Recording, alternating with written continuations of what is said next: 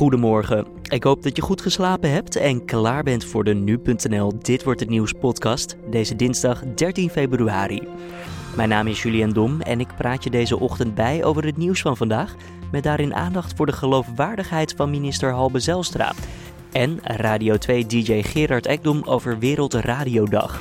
Maar eerst kijken we kort terug naar het belangrijkste nieuws van afgelopen nacht.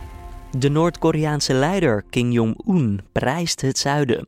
Het bezoek van zijn zus Kim Yo-jong heeft een warm klimaat van verzoening en dialoog geschapen, al dus de dictatoriale leider. Het was de eerste keer in zo'n 70 jaar tijd dat een lid van de Noord-Koreaanse heersersdynastie het zuiden bezocht.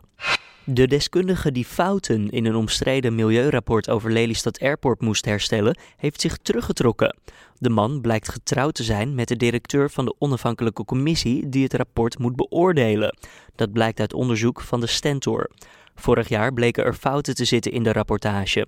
Volgens actiegroep Hoog Overijssel onderschatte het rapport de hoeveelheid geluidsoverlast waarmee de provincies Overijssel, Flevoland en Gelderland te maken krijgen. Dat zou komen door de nieuwe aanvliegroutes van Lelystad Airport. De Zuid-Afrikaanse regeringspartij ANC zou president Jacob Zuma 48 uur hebben gegeven om af te treden als staatshoofd. Mocht Zuma niets doen, dan zal hij uit zijn functie worden ontheven. De partijvoorzitter heeft persoonlijk het ultimatum duidelijk gemaakt aan Zuma. Dan kijken we naar de nieuwsagenda van vandaag, oftewel dit wordt het nieuws. De geloofwaardigheid en het ministerschap van Halbe Zelstra, minister van Buitenlandse Zaken, staat op het spel. Hij heeft toegegeven dat hij nooit aanwezig was in het buitenhuis van de Russische president Vladimir Poetin, terwijl hij daar juist wel over sprak tijdens een VVD-congres. Dat was maandag allemaal te lezen in de Volkskrant. Vandaag zal er een debat plaatsvinden over dit incident en het vertrouwen in de minister. Wij vroegen aan onze politiek verslaggever Avinash Biggie hoe de reputatie van Zelstra voor dit incident was in vergelijking met nu. Nou ja, Halbe Zelstra is natuurlijk een aantal jaar um, uh, fractievoorzitter geweest van de, van, de, van de VVD in de coalitie met de PvdA. Hij heeft daarvan altijd gezegd uh, nou ja, dat hij daar een soort rol speelde als, als, uh, als, als ja, beschermer van, uh, van een beetje de, de rechtse identiteit van de VVD. Hij heeft toen ook al een aantal uitspraken gedaan uh, die niet helemaal klopten of gewoon ronduit onjuist waren. Uh, dus wat dat betreft heeft hij niet zo'n uh, sterke reputatie op dat gebied. Zo heeft hij ooit gezegd in een interview met het Algemeen Dagblad dat asielzoekers naar Nederland zouden komen en gebruik zouden maken van borstvergrotingen en ooglidcorrecties. Hij heeft daarna heeft hij wel weer gezegd dat het niet klopt. Maar ja, het is wel een geautoriseerd interview ja, waarin eigenlijk ook een leugen staat. Um, en ja, misschien dat je dat ook nog kunt herinneren over uh, dat, de, dat de paaseitjes zouden verdwijnen bij de HEMA. Ja. Um, nou ja, dat soort dingen, ja, dat klopt natuurlijk helemaal niet. Uh, hij zei dat onder de druk van ja, de islam misschien wel, uh, dat die dingen zouden verdwijnen, maar dat, dat, dat, ja, dat klopt ook niet. Eenmaal als, als minister van Buitenlandse Zaken had hij dan een hele andere toon. En bij Buitenlandse Zaken waren ze daar zelf ook wel tevreden over. Um, hij is eigenlijk een, een hele andere uh, Halbe Zijlstra. Waar eigenlijk de Kamer ook wel uh, blij door verrast was. Um, dat, hij, dat hij eigenlijk ook wel zo'n diplomatieke toon kon aanslaan. Dat is ook wel een beetje waar nu de, de coalitie mee zit. Um, hij, hij heeft die aantal maanden dat het kabinet nu zit, ja, best wel wat, wat hun betreft een goede toon aangeslagen. Um, ja, goed, het is, het is echt, echt de vraag uh, vandaag in het debat nog. Ja, gaat de Kamer hem dit vergeven? En, en hij zal toch echt duidelijk moeten gaan maken uh, dat, dat deze leugen hem of, of zijn werk niet in de weg gaat zitten ja. als, als minister uh, in het buitenland. Je, je, je kan je voorstellen dat uh, het, het, is niet alleen in Nederland hè, dat we er verbaasd over zijn. Het is internationaal. De New York Times heeft erover geschreven. De Washington Post. Het was op Reuters, op AP. Iedereen heeft het over de liegende minister van Buitenlandse Zaken, de Nederlandse minister van Buitenlandse Zaken, die ja, eigenlijk gelogen heeft over een ontmoeting met Poetin. Ja, en dat het feit dat het allemaal in zo'n stroomversnelling zit, dat heeft denk ik ook te maken dat deze week op de planning staat dat Zelstra naar Rusland zou gaan. Ja, dat klopt. Dat klopt. Um, nou, het verhaal is dus naar buiten gebracht door de Volkskrant. De Volkskrant was hier al een aantal weken mee bezig. En um, ja, Halbe Zijlstra zegt door omstandigheden heeft hij niet eerder uh, uh, dit verhaal naar buiten kunnen brengen. Uh, of of uh, de Volkskrant te woord kunnen staan. Ik, ik, ik heb hem gisteren dus gesproken. en geïnterviewd en hier natuurlijk ook naar gevraagd. Ehm, en ja, hij zegt, de Volkskrant was van plan om vrijdag te publiceren afgelopen vrijdag. Hij heeft gezegd, nou nee, dan wil ik nu toch echt wel een, een antwoord gaan geven. Want Volkskrant wilde publiceren voor dat hij vertrok naar, naar, naar Rusland. En vandaar dat het nu dus in een stroomverstelling is gekomen. Ja. Hij moest nu wel antwoord gaan geven op, op, op die vraag. Was hij daar bij die ontmoeting met Poetin? Nou, nee dus. Denk je dat het nog gevolg heeft voor zijn reis naar Rusland deze week? Dit, dit hele verhaal van de leugen en de alle andere verhalen om zijn reputatie heen? Ja, hij zegt zelf dat hij natuurlijk nog gewoon van plan is om daar naartoe te gaan. Maar ja, hij moet, hij moet eerst hij moet toch echt, eerst door de Kamer vanavond of vanmiddag. Ik weet niet voor hoe laat het debat gepland staat. Ik denk vanmiddag vanavond. Um, en hij zal daar ja, toch wel voldoende vertrouwen van de Kamer moeten krijgen. Eh, dat hij ja, verder mag als minister van Buitenlandse Zaken. Wat ik al zei, gister, gisterochtend was, was, was de coalitie nog, nog mild. Maar wat je, ook al, wat ook al zegt, er is een beetje een stroomversnelling gekomen. En misschien hebben ze bij de coalitie de, de de verbazing en uh, hier en daar ook wel een beetje de woede over, over uh, ja, zijn optreden hebben ze misschien dat wel een beetje onderschat. Dus het wordt heel, uh, heel spannend. Voor Halde Zelstra en de coalitie ook wel. om te kijken hoe hij hier doorheen komt. En als hij hier doorheen is gekomen, als, dan pas kun je gaan kijken naar hoe die reis zal gaan verlopen. Nou ja, ik kan, me, ik kan me voorstellen dat de Russen ja, ik kan me eigenlijk niet voorstellen wat de Russen hiervan denken. Behalve dan dat het uh, natuurlijk best wel een blamage is. Je hoorde politiek verslaggever Avinash Bigi. Op de Spelen in Pyeongchang staat bij het schaatsen het koningsnummer op het programma voor de mannen. De 1500 meter hebben we het dan over. Uiteraard zijn er ook op deze afstand medaillekansen voor Nederland. Koen Verwij, die vier jaar geleden op 3000ste naast Olympisch goud greep, aast op revanche. Zijn grootste concurrent is landgenoot Kjeld Nuis. De derde Nederlander op de 1500 meter is Patrick Roest en hij behoort niet tot de topfavorieten, maar ook een medaille voor hem is niet uitgesloten. Daan de Ridder, jij bent in Zuid-Korea. Is er een mogelijkheid om een clean sheet te krijgen? Plek 1, 2 en 3 op het podium. Nou, ik uh, durf inmiddels uh, nooit meer te voorspellen dat het niet kan. Want uh, ja, we dachten van tevoren allemaal, het zal nooit meer zo succesvol worden als vier jaar geleden in Sochi. Toen Nederland dat was het 23 van de 36 staatsmedailles won. Maar ja, ondertussen hebben we, hebben we zes, zes van de negen. Dus uh, we zitten weer op hetzelfde schema. Nou ja, en uh, zoals jij terecht zegt, uh, Koen Verwij en uh, Nuis zijn de twee topfavorieten voor de 1500 meter.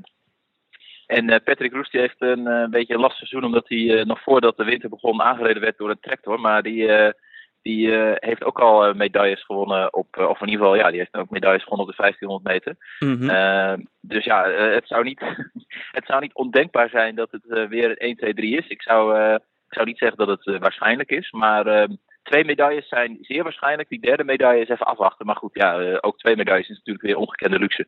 Jij zit natuurlijk bij alle pers te kijken. Um, kan je je dan inhouden op zo'n moment dat er goud wordt gegrepen? Of juich je dan alles bij elkaar? Nou, ik doe dit inmiddels wel uh, iets te lang om uh, nog te gaan juichen. Dat is niet heel professioneel natuurlijk. ik heb dat wel eens Colombianen zien doen bij WK's zeg maar meer uit de iets temperamentvollere landen, zal ik maar zeggen. Dat, het wel eens. Maar wij Nederlanders zijn er denk ik toch iets te nuchter voor. En uh, ik denk ook niet dat, uh, dat dat helemaal hoort bij ons, onze baan. Zijn er nog andere afstanden bij het schaatsen waarbij we misschien gewoon een clean sheet kunnen halen? De 1, 2 en 3? ja, uh, 500 meter mannen is niet, ja, het is allemaal niet, ik zou het allemaal niet direct voorspellen, maar ook bij de 500 meter voor mannen hebben we drie medaillekandidaten. 1000 meter vrouwen wordt lastig, 1000 meter mannen zou ook kunnen met, met Verbij, Verwij en, en Nuis. Dat zijn ook alle drie dan medaillekanshebbers. Mm Ja, en normaal gesproken zou dat ook op uh, de 10 kilometer voor mannen het geval zijn. Alleen uh, is uh, sinds deze Spelen de, re de, regel dat er nog maar twee, maximaal twee mannen per land mee mogen naar 10 kilometer. Dus daar gaat het zeker niet lukken. Oké. Okay. En, en 500 eh, meter vrouwen gaat het ook zeker niet lukken. En dan heb je nog de massastart, waar ook maar twee Nederlanders aan meedoen. Dus daar gaat het niet lukken. En nou, de ploegachtervolging doet natuurlijk alleen maar Nederland mee. Dus het is niet dat het nog op heel veel afstanden kan gebeuren, maar het zou inderdaad zeker nog kunnen. Daan, wat is de afstand die nou het interessantst is voor de journalist? Welke, waar kan je het meest mee? Nou, kijk, uh, dat, uh, eigenlijk we, weten we al bijna vier jaar dat uh, de 10 kilometer die donderdag is, ja, dat, dat is journalistiek gewoon het meest interessant. Omdat de vraag is daar, Sven Kramer, ja, de beste schaatser aller tijden waarschijnlijk toch wel, gaat hij daar eindelijk goud winnen op de afstand waarop hij nog nooit goud won? Ja, hij, 2010 weten we allemaal de wissel die misging. 2014 werd hij geklopt door Jorrit Bergsma en nu ja, moet hij die gouden medaille winnen bij nou ja, hij heeft deze week nog gezegd dat het misschien toch niet zijn laatste speler zijn. Maar het zou wel heel goed kunnen dat ze laatste speler zijn en dat het dus de laatste kans is. Dus uh, ja, hij heeft wel duidelijk gemaakt dat, uh, dat dat voor hem wel even wat extra lading heeft. En uh, ja, wat er ook gebeurt, of je het nou wel of niet redt, dat verhaal is sowieso goed. Daan de Ridder hoorde je vanuit Zuid-Korea voor nu.nl. Op de vijfde dag van het proces tegen Willem Holleder worden verklaringen van zijn ex-vriendin Sandra Den Hartog en zussen Sonja en Astrid besproken. Die verklaringen werden in de afgelopen jaren door het Openbaar Ministerie verzameld. Ook zal de rechtbank van Amsterdam ingaan op de periode na de vrijlating van Holleder in 2012. Maandag werden tijdens de zitting zijn banden in het criminele circuit al besproken. Holleder ontkende onder meer betrokken te zijn geweest bij de moord op John Mieremet. Mieremet zou het juist op zijn leven hebben gemunt, aldus Holleder. Ahmad Rahimi, de man die verdacht wordt van het plegen van de aanslag in New York City in 2016, krijgt te horen welke straf hij krijgt. Rahimi kan een levenslange gevangenisstraf krijgen vanwege onder meer het gebruik van een massavernietigingswapen en een bomaanslag op een publieke plek. Tijdens de aanslag in de wijk Chelsea in september van 2016 liet Rahimi een explosief afgaan waardoor 30 mensen gewond raakten. Verderop in de stad werd die dag een tweede explosief gevonden. Het ging om een snelkookpan met draden. En de Champions League wordt vandaag hervat met de achtste finales. Manchester City speelt uit tegen FC Basel en Juventus neemt het in Turijn op tegen Tottenham Hotspur. Beide duels beginnen om kwart voor negen en over drie weken zijn de returns. Dan kijken we naar het mediaoverzicht van vandaag. Een kwart van de middelbare scholen organiseert niet langer schoolreisjes naar steden in het buitenland waar aanslagen zijn gepleegd. Daarover schrijft het AD na onderzoek waaraan ruim 200 schooldirecteuren meewerkten. De helft van de scholen zegt leerlingen te hebben die van hun ouders helemaal niet meer op reis mogen. Waar Londen en Parijs minder Nederlandse scholieren mogen verwelkomen, neemt de populariteit van steden zoals Praag, Glasgow en Valencia juist toe. Eerste Kamerlid Marleen Bart van de PvdA stapte vorige week op. Dat gebeurde nadat bleek dat zij een belangrijk debat oversloeg omdat ze op vakantie vierde op de Malediven. De Telegraaf zocht uit hoe vaak een senator vorig jaar verstek liet gaan vanwege een buitenlandse reis zonder verdere opgave van reden. Buiten de 15 weken van officieel reces dat is. Het ging om in totaal 38 keer. Banen liggen voor het oprapen voor mensen met een diploma in het middelbaar beroepsonderwijs, het MBO. Dat schrijft Trouw op basis van cijfers van onder meer het UWV. In de periode van maart tot en met augustus 2017 waren er bijna 250.000 vacatures op MBO-niveau. Dat is een stijging van 20% ten opzichte van het jaar daarvoor. Vooral in de sectoren gastvrijheid, detailhandel en zorg is volop werk te vinden. En dan het weerbericht voor deze 13 februari.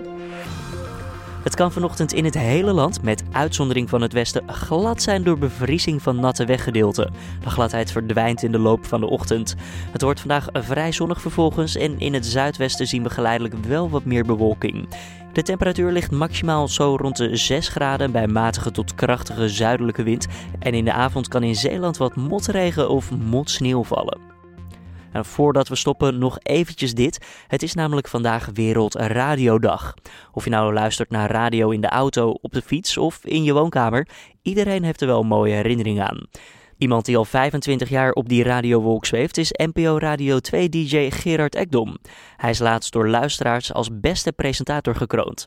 Daarom dachten wij, we bellen eventjes met hem om te vragen of radio maken in deze tijd niet heel veel anders is dan vroeger. Nee, zeker niet. Nee, het is, uh, nog steeds uh, dezelfde magie uh, als. Je hebt natuurlijk hele andere middelen. Dus je had, uh, ja, als je, een, als je een plaat ehm, wilde hebben als eerste, dan moest je naar. Uh, had ik één zaakje in Zeist. waar ik naartoe fietste om als eerste bepaalde platen te draaien. Tegenwoordig is muziek een kraan geworden. Iedereen heeft er toegang toe en iedereen heeft overal en waar dan ook zijn 5000 favoriete platen paraat. Dus uh, wat dat betreft zijn we redelijk verwend uh, geraakt met muziek en, en streaming music en dergelijke. Maar ondanks dat is die magie van het hier en nu radio maken, het live, dus in de moment zitten, dat is nog steeds fantastisch. Dat is echt iets wat aan magie nooit zal ontdoen voor de, de ja, wat voor, wat voor technische middelen dan ook. En natuurlijk, je kijkt naar in deze tijd. Het is 2018, eh, tv heeft het soms wat moeilijk door misschien een YouTube-platform en ook met uitgesteld kijken, dat mensen toch weer het even op een andere manier kijken. Uh, radio misschien door Spotify, dat kan je nooit natuurlijk zeggen in welke vorm dat, uh, dat is. Hoe denk jij dat het in de toekomst misschien eruit gaat zien voor de radio? Ik weet dat je niet een glazen bol bij de hand hebt, maar denk je dat er iets over valt te zeggen? Nee, het is lastig. Dat, uh, dat is altijd, dat, dat kun je nooit tevoren zeggen. Ik denk wel dat uh, je ziet nu dat podcasting weer hip wordt. En dat werkt dus ook. Dus het mooie is, het works both ways. Dus ik denk dat uiteindelijk de radio, kijk, je wil toch vermaakt worden. Je wil toch op dit moment, als je in de auto stapt, denk je, oh ja, ik kan een cd'tje aanzetten, maar dan mis ik iets. Ik kan een Spotify-lijstje aanzetten, maar ik mis iets. Ik wil toch weten wat er speelt. Weet je. je, je kunt getriggerd worden. Je kunt je wordt net even vermaakt de juiste grap op het juiste moment. Of je hoort nog net even de nieuwslezer iets zeggen wat je nog niet wist. Dat had je anders gemist. En ik denk toch dat dat een essentieel element, uh, dat er in ieder geval essentiële elementen zijn. Waardoor de radio zal overleven. Je hoorde NPO Radio 2 DJ Gerard Ekdom. Dit was dan de Dit Wordt Het Nieuws podcast van deze dinsdag 13 februari. Zoals je weet wordt de Dit Wordt Het Nieuws podcast elke maandag tot en met vrijdag online gezet op nu.nl om 6 uur ochtends. Heb je feedback voor ons? Dan kan je dat altijd even toesturen naar redactieapenstaartje.nl of laat een leuke recensie achter op iTunes of Soundcloud. Voor nu, tot morgen.